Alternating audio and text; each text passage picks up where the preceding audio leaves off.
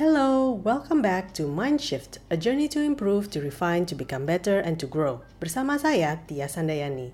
Panji Pragiwaksono, siapa yang tidak kenal dia? Seorang all-rounders entertainer, banyak yang mungkin sudah mengenal karya dan prestasinya. Mulai dari radio, broadcaster di Hard Rock FM, hingga menjadi rapper hip-hop, stand-up comedy, menulis buku, hingga berkarya di dunia perfilman. Sama seperti orang lain, tidak ada orang yang dapat berproses tanpa perjuangan dalam perjalanannya. Sama pula dengan seorang Panji Pragiwaksono. Kenapa saya bisa tahu? Karena Panji Pragiwaksono adalah adik saya nomor dua dari kami bertiga bersaudara. Artinya saya kakak paling tua. Soalnya banyak sekali yang bilang bahwa saya adiknya. Mungkin karena saya adik muda.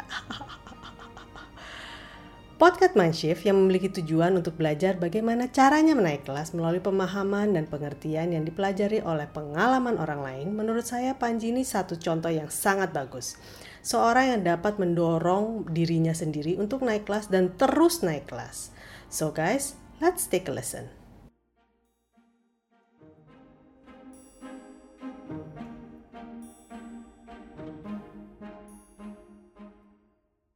Halo, selamat siang, Selamat adikku siang. tersayang. Iya, apa kabar? Kalau direkam ngomongnya adekku tersayang. Bagi yang nggak tahu, ini Panji Pragiwaksono, orang yang eh, terkenal dengan stand up komedinya, Begitulah. bukunya banyak, MC handal, Amin. bintang film konon katanya. Bisa disebut. Eh, eh, terus tapi bintang film kayak productionnya tuh dari mulai menulis sampai dari dari eh, direktur gitu ya, Iya. benar ya? Ya, nulis, sutradara, main. Nah, keren banget. Kayaknya bukan hanya banyak, tapi semua banyaknya itu tetap di, di naik kelas semuanya tuh. Kayaknya jadi barang beneran tuh Iya. jadinya. Jadi barang dan jadi menghasilkan. Alhamdulillah Amin. menghasilkan bisa hidup Lumayan. dan karyanya menjadi eh, inspirasi bagi banyak orang, ya kan? Iya, alhamdulillah kalau begitu. Oke, boleh ceritain. Mungkin ada yang kurang, eh, yang yang belum ter sh- di- belum di share, tapi lebih ke sisi eh, milestone-nya, mas. Milestone-nya dari Mas Panji awal eh, bekerja mungkin, Iya, iya. gitu, ke sekarang, Hmm. from nobody to somebody. Sebenarnya dimulai dari siaran sih harus diakuin. Siaran itu mungkin milestone pertama yang paling signifikan. Itu juga sebenarnya bukan karena ngerasa ada bakat, lebih ngerasa butuh uangnya. karena waktu itu tugas akhir kan, di desain produk itu tugas akhirnya mesti bikin robot, eh mesti bikin produk. Nah tugas akhir eh, gue, ini ngomongnya gue lo tuh Santai aja, Oh, gue, gue lo, ya. saya kamu, aku cinta Eh, kamu. kalau di desain produk di tugas akhir harus bikin produknya tugas akhir gue robot Hmm.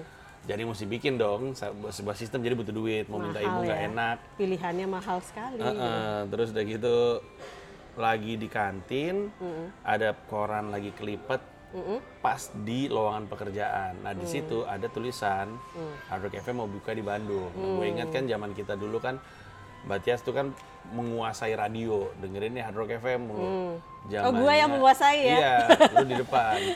Dan dulu kalau ada orang berisik, orang- gue sama Andia adik kami yang paling kecil berisik, sus gitu, suruh dengerin. Lama-lama karena hening jadinya kan dengerin Hard Rock FM juga. Waktu itu masih Erwin sama Indi. Oke.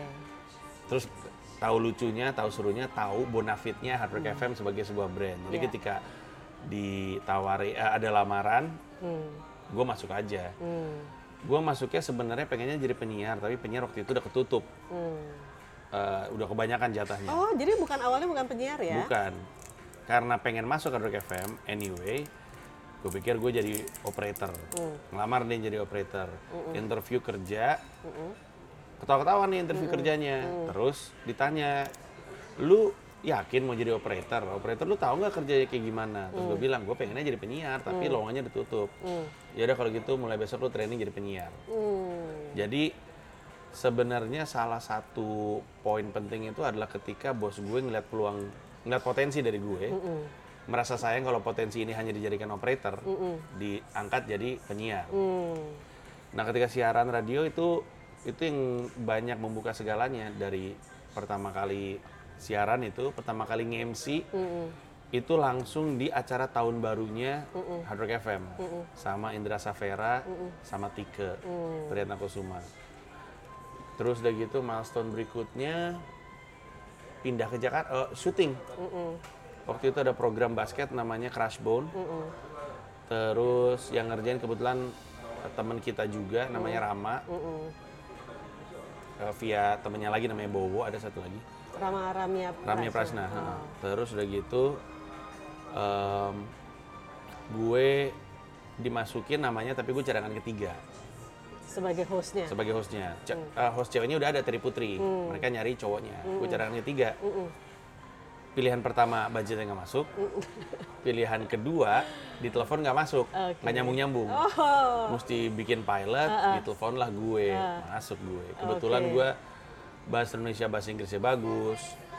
Terus gue ngerti basket, dipilihlah gue. Nah, Jadi Hmm. pertama kali gue syuting program itu di Senayan di acara uh, Crash Bone tersebut Hmm. sama Terry Putri.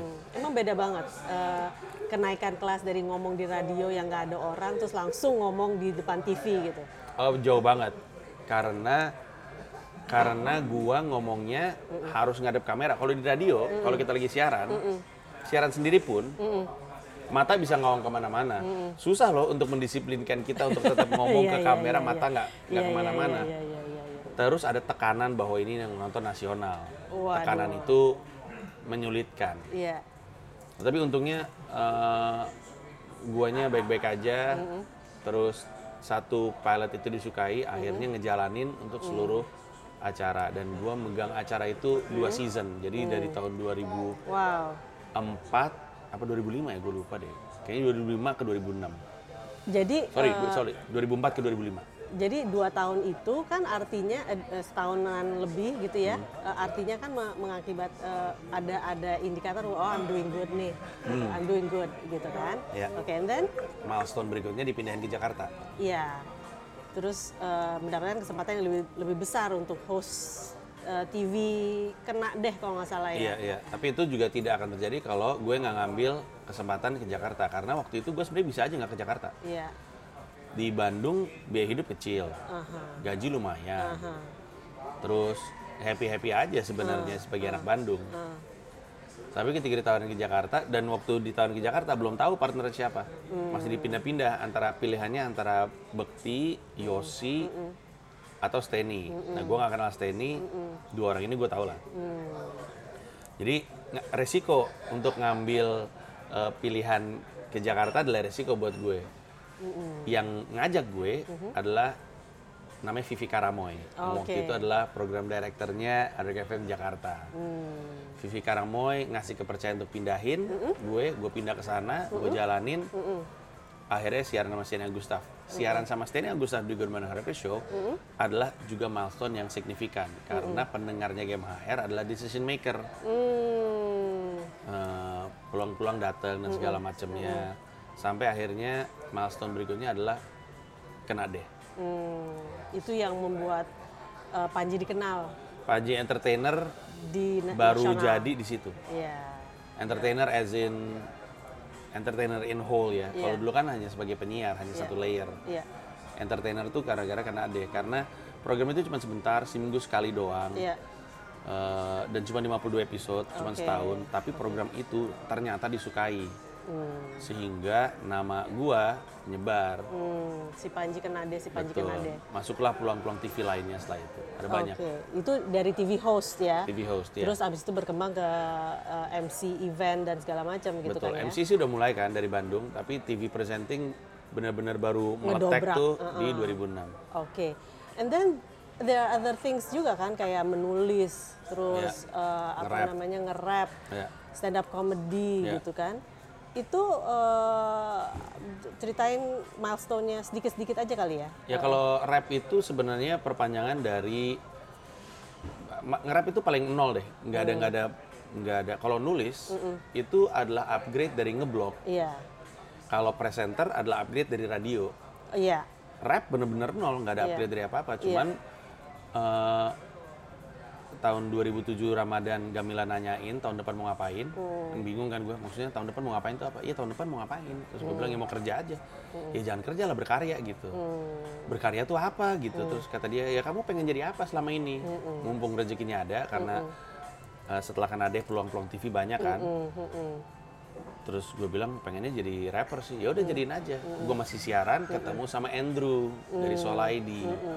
Lagu mereka yang judulnya Brand New Day menurut gue enak, keren Oke. dan nyambung. Oke. Gue tanya sama dia gimana caranya bikin album. Dibantulah sama Andrew March tahun 2008 April keluar album Provokatif Praktik. Oh, Nah, peluang yang datang dari situ adalah nama provokatif proaktif itu dianggap bagus sama Hard Rock FM. Disuruh bikin talk show radio malam namanya provokatif proaktif. Dibilang terserah lu maunya jadi apa, jadiin tuh acara. Jadilah sebuah talk show radio yang sangat tidak ortodoks pada zamannya. Iya. Ngomonginnya politik Ya. dan hal lagi bulan Ramadan ngomonginnya orang Islam yang yang keluar agama ke agama lain jadi jadi aneh kan Ah, itu buntutnya adalah jadi kreator program TV yaitu provokatif proaktif Yes. Metro TV Setelah beberapa tahun kan sebenarnya. Setelah setahun doang. Ah, Setahun kan. Oke. nah eh, radio eh sorry eh, nge-rap Itu naik kelas juga ya dari talk show radio menjadi betul TV. betul Mm-mm. Eh, dan peluangnya anehnya datangnya dari rap dari album provokatif proaktif Aha, aha. So Nah. never know. rap itu milestone yang menarik bukan hanya sebagai Panji sebagai rapper tapi Panji sebagai orang yang dikenal brand keindonesiaannya. Gue tuh sebenarnya rada enggan disebut orang yang nasionalis. Lebih baik orang bilang itu terhadap gue ketimbang gue ngeklaim. Makanya gue nggak pernah Oh gitu ya. nggak pernah. Gue nggak pernah ngeklaim diri gue nasionalis. Buku gue tuh national.is.me artinya nasionalisme ala gue bukan I am a nationalist gitu. Nah tapi Ada yang kamu khawatirkan karena orang ngomong nasionalis? Enggak, lebih kepada self proclaim aja. Itu kan snobbish gitu, Iya, ngapain? iya. kayak gue nasionalis atau Iya, gue cinta Indonesia gitu. Ah, Gue selalu bilang eh, lu nggak self proclaim orang yang nempelin itu pada lu Ya, gitu. oke. That's Eh, da- to make si clear. upgrade dari rap itu adalah bahwa Panji dikenal eh, personal branding yang ke arah Panji yang punya cara pandang positif terhadap Indonesia datangnya dari situ. Hmm. baru keluar buku pertama yang judulnya national.is.me yang adalah sebenarnya eh, perpanjangan dari nulis blog. Nah, se- Eh, itu buku pertama atau yang sebelumnya? enggak, yang sebelumnya ada serasa? lagi. Ah, ah. Jadi gue nulis blog, terus nge-rap membuat gue penasaran sama pemasaran. Iya. Banyak baca buku, gue tipe orang yang kalau habis baca harus gue tulis ulang Iya. supaya ngerti. Ketika gue tulis ulang banyak Ah, jadinya. That's your process ya? Iya. Ah, Oke. Ditelepon lah, Hmm. eh, di di email sama eh, seorang editor dari penerbit Gramedia. Hmm. Ditawarin itu dibukuin mau nggak? Hmm. Kayak gimana? Udah kayak gitu aja dibikin buku gitu. Oh ya mau lah gue. Hmm. Keluarlah itu How I Sold 1000 CDs in 30 Days. Hmm. Buku itu jadi semacam proof of concept Yes. bahwa Panji bisa nulis buku. Datanglah penerbit yang sampai sekarang jadi penerbit gue namanya Bentang Pustaka. Yes. Eh, buku itu keluar tahun 2010 national.is.me. Hmm. Nah, setelah itu sampai dengan hari ini gue udah nulis 8 buku, semuanya sama Bentang Pustaka. Oke. Nah, abis nulis, milestone berikutnya stand up. Iya. Yang juga terjadi gara-gara rap. Oh justru rap. Iya kan, gue waktu itu bikin private concert. Private concert itu Twitter private concert, di mana yang nonton cuma 100 orang. Audience musik gue bayar 50 ribu. Hmm. Yang mana pada zaman itu unheard of. Ada orang bikin konser rap mingguan 50 ribu. Sampai dengan detik ini aja, rapper nyuruh penontonnya nonton dia bayar 50 ribu konser setahun sekali juga belum tentu mau gitu. Iya. Iya.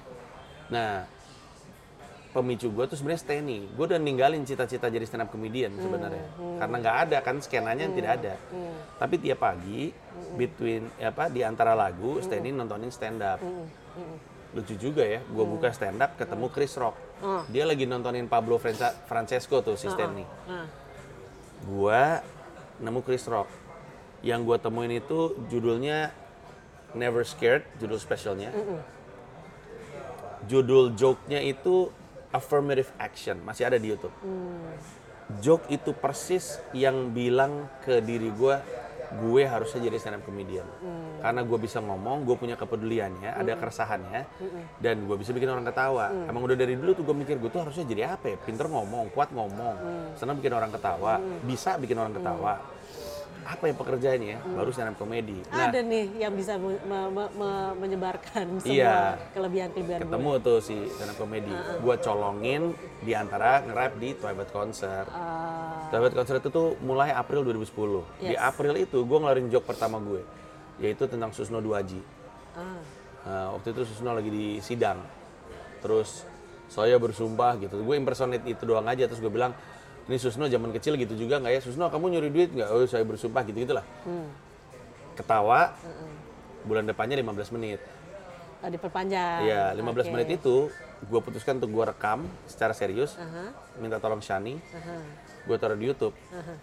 Sebelum gue taruh di YouTube, gue ngecek dong stand up komedi Indonesia nggak ada Iya. videonya. Iya. Ada satu orang namanya Regi Hasibuan ngupload video dia lagi stand up tapi bahasa Inggris. Very nice. Oh berarti ini dari sisi positioning belum ada yang sikat nih. Ya. Gue tulis aja langsung stand up komedi Indonesia satu dua tiga empat. Makanya kalau misalnya orang nge-google video judulnya stand up Indonesia, video pertama yang mereka temuin tuh video gue. Gue naikin kalau nggak salah Mei 2010, gue lupa. Hmm. Nah kenapa proses ini penting? So it's nine years old now. Iya. Video ini dilihat sama seorang namanya Indra Yudhistira. Tadinya di RCTI, pindah disuruh megang Kompas TV. Di Kompas TV dia pikir kalau mau Kompas TV ada yang nonton, gue harus bikin program yang aneh. Kepikiranlah stand up komedi. Dia buka YouTube yang dia temuin video gue. Orang pertama yang diajak meeting oleh Kompas TV adalah gue. Dia tanya siapa lagi. Hmm. Kami udah mau bawa Indro Warkop sebagai komedi legend. Iya. Gue sebut nama Raditya Dika. Hmm. Raditya Dika on board sebagai host. And then the rest is history. Acara stand up comedy Indonesia Kompas TV itu Suci Itu yang pertama. adalah yang meledakkan komunitas stand up comedy Hmm. sampai dengan hari ini. Itu semua milestone. Sampai ke keliling Indonesia Iya, gitu kan eh, ya. kalau milestone gue berikutnya, kalau in terms of stand up, Mhm. karena dari sisi nge-rap stuck Oh, ya, iya, iya. dari sisi rap stuck, dari Bukan sisi buku stuck. Cuman karena prioritasnya lagi seneng ke sana, pasar juga lagi terbukanya ke sana, jadi kayaknya uh, Hmm. Peluang memang lagi lebih iya, gede heeh. di orang lagi seneng ke sana, jadi ya, ya kenapa nggak di, diseriusin ke sana Ya, gitu kan? Berarti milestone setelah itu adalah Bineka Tunggal Tawa, show gue di. Usmar Ismail. Iya, Itu adalah konon kabarnya pertunjukan stand up tunggal berbayar pertama di Indonesia. iya. Berapa penontonnya waktu itu? Waktu itu masih 400. Iya. Tapi Itu karena pertama kali kamu 400 kan? pertama kali itu 400 betul. Heeh. Karena jebol, akhirnya ada show kedua. Iya. Show keduanya cuma 200, jadi total 600 yang Iya, nonton. I remember that. Heeh. So Terus cool. kedua, gue setelah itu bikin Mereka dalam Bercanda di Museum Nasional yang nonton 800. Mm-mm. Setelah itu gue bikin Masake Bangsaku di Teater Jakarta yang nonton 1200. Hmm.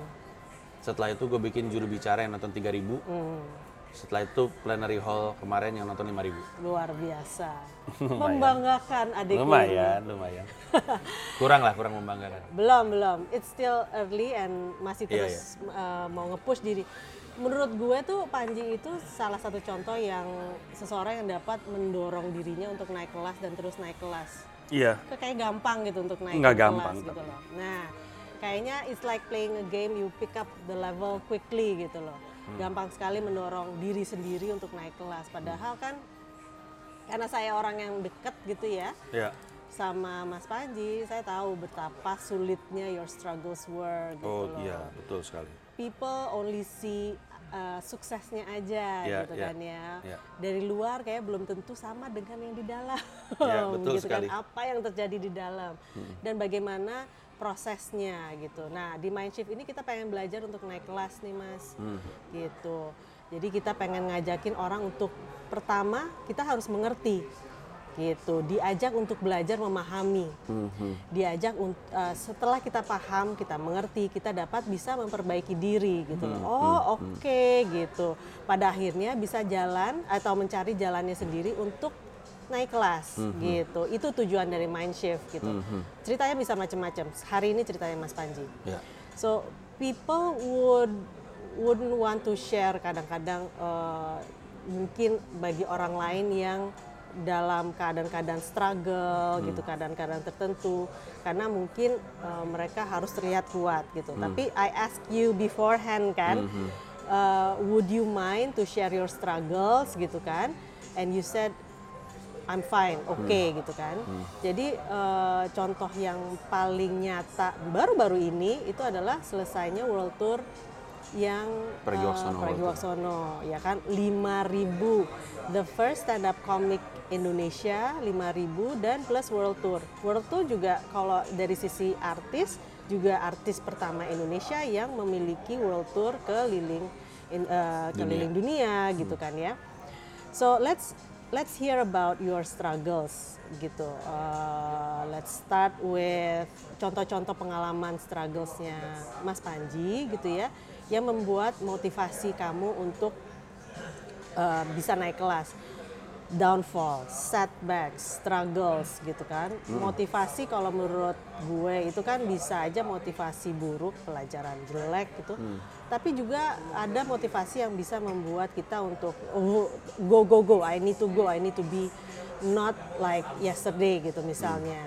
So ada be- berbagai macam kejadian yang di belakang. Bisa growing up your journey in growing up gitu ya as a human being ya kan? As a uh, seorang laki-laki gitu atau pelajaran keluarga kuliah Ya. punya cita-cita. Ya. is there something missing in life that makes you feel gua harus dan harus naik kelas gitu? Any shameful background experience or or what could you share? Sebenarnya di setiap milestone yang gue sebutin itu semuanya diawali dengan failure.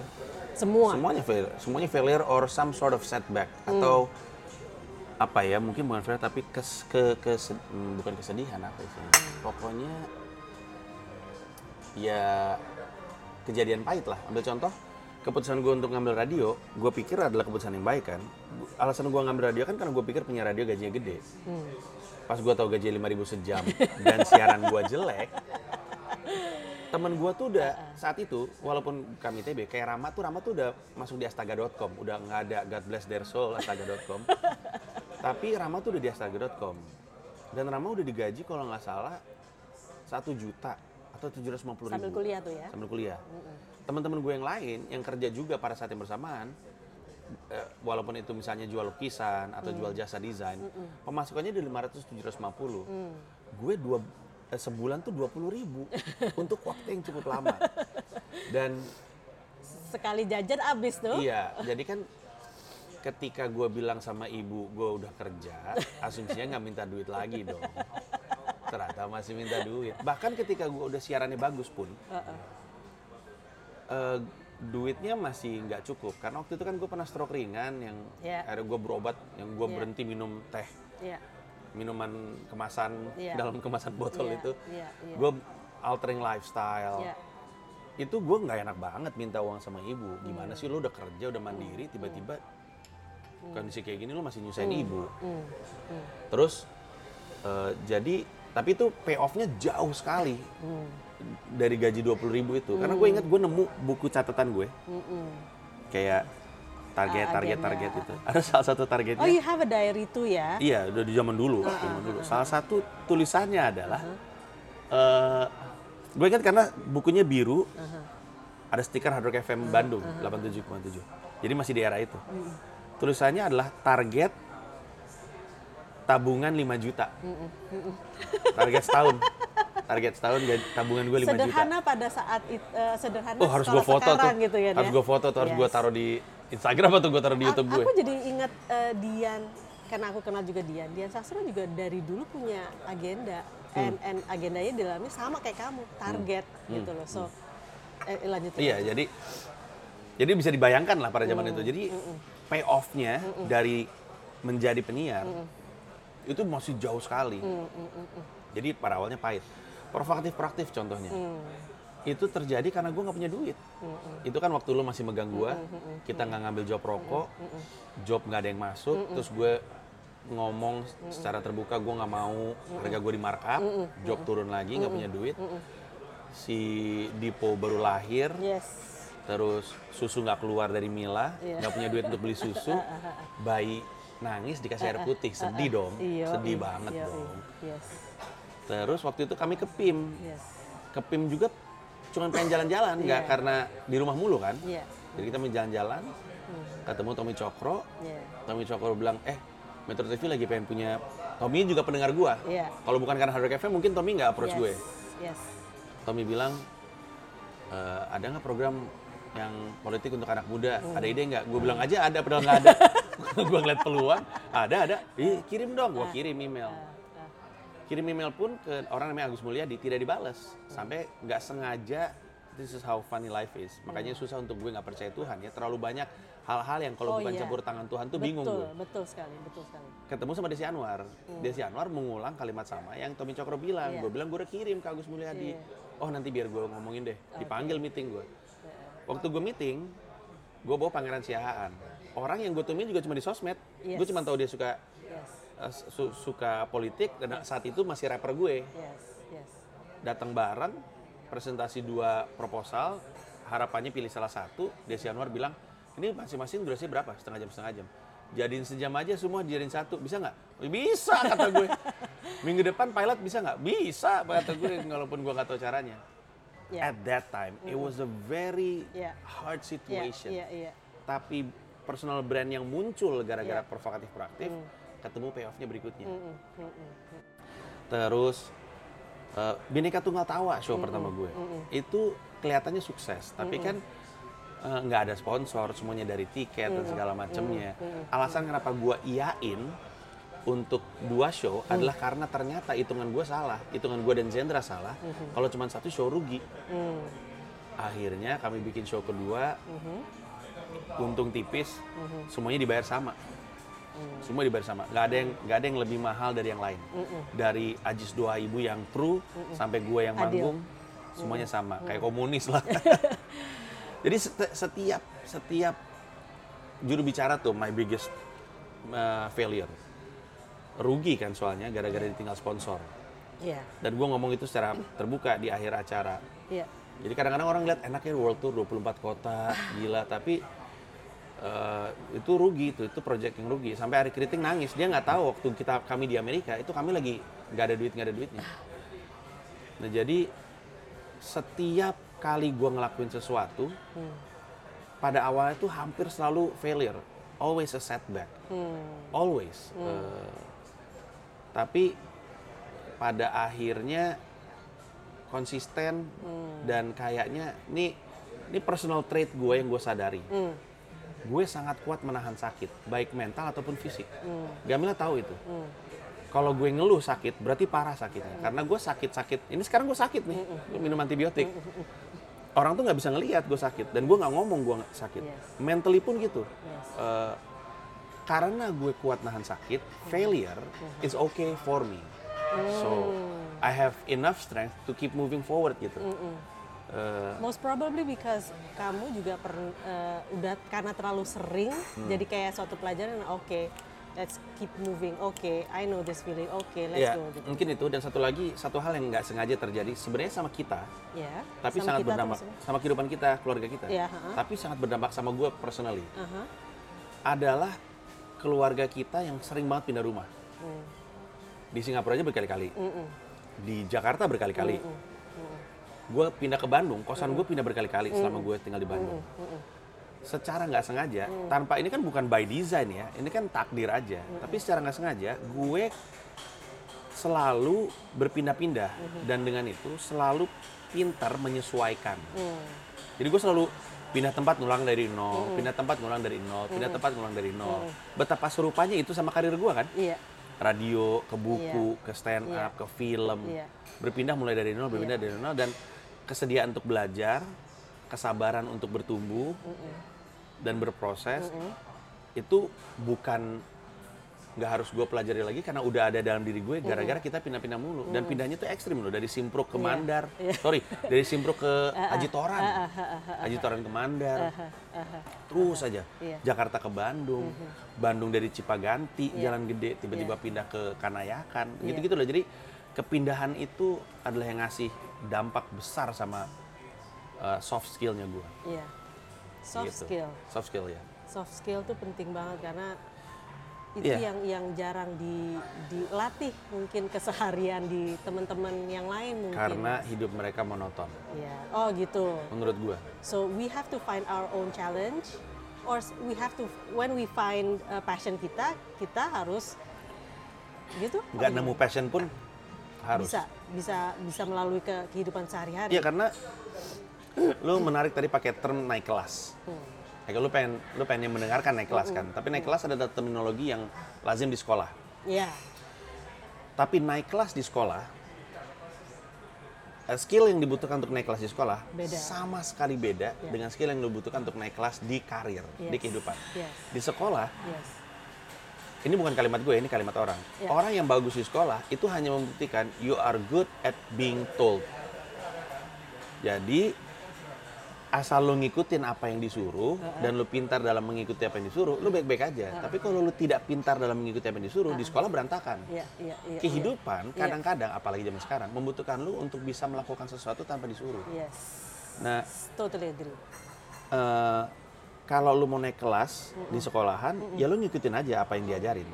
Dalam kehidupan gue percayanya untuk naik kelas, lu harus mau belajar di luar bidang ilmu lu. Hmm. Karena kalau tidak, maka lu akan sama aja dengan kompetitor lu. Yes. Yang membuat lu beda adalah karena lu belajar dari orang lain. Dan ini adalah cara pandang yang gue dapat dari Thomas Alva Edison. Mhm. Karena dia pernah bilang, inventor itu kerjanya lihat apa yang sukses di industri orang, lu bawa ke industri lu. Hmm. Itulah kenapa dia nemu bohlam. Ya. Bohlam Edison kan ya? Iya. Iya benar Edison. Bohlam itu kan sebenarnya sudah ada, Yes. cuman gede dan pakai listrik, Yes. nah, narik listrik gede. Terus dia pikir, kalau ditaruh di rumah bagus juga nih. Dan dia cuma mindahin konsepnya doang dari yang tadinya industrial sifatnya ke rumah tangga, household.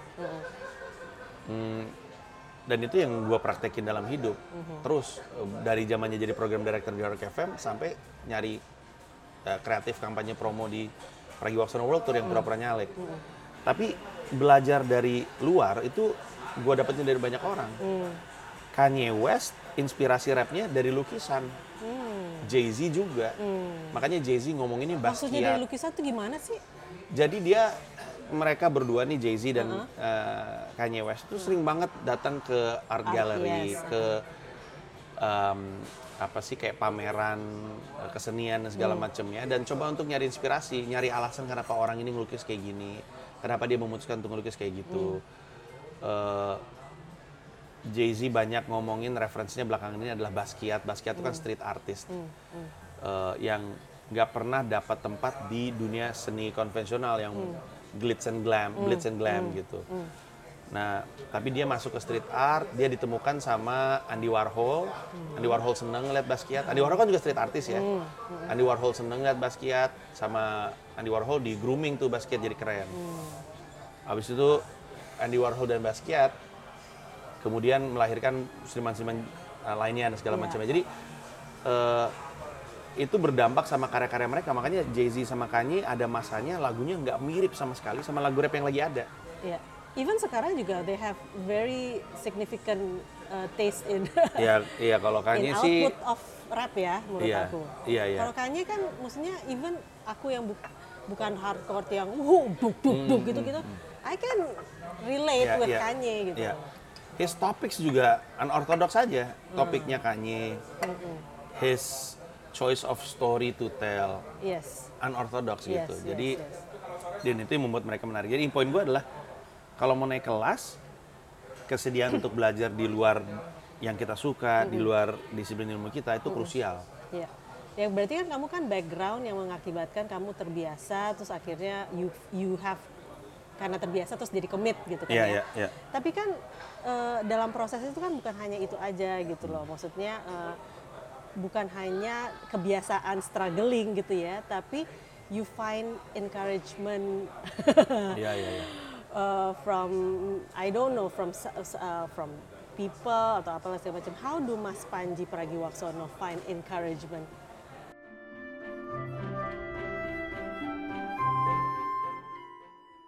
Sorry, sorry, sorry. Kita sudahi dulu episode Panji Pragiwaksono part 1. Sedikit kesimpulan dalam proses naik kelas, Panji orangnya jago nahan sakit. Maksudnya nahan diri atau punya kontrol diri yang kuat. Panji pun punya kesabaran untuk bertumbuh dan pada akhirnya memberi dampak pada soft skills-nya, sehingga pada akhirnya memberi manfaat dalam kehidupannya Panji. Gue gak bilang kalau kita harus bisa nahan sakit seperti Panji. Perjalanan tiap orang berbeda. Tapi gue setuju dengan pendapat Panji bahwa skill yang dibutuhkan untuk naik kelas di sekolah dengan skill yang dibutuhkan untuk naik kelas dalam kehidupan sama sekali berbeda. When you're good at school, it means you're good in being told. Dalam kehidupan, kita dituntut untuk dapat melakukan sesuatu tanpa disuruh. Setuju? Kita langsung sambung aja yuk ke episode berikutnya.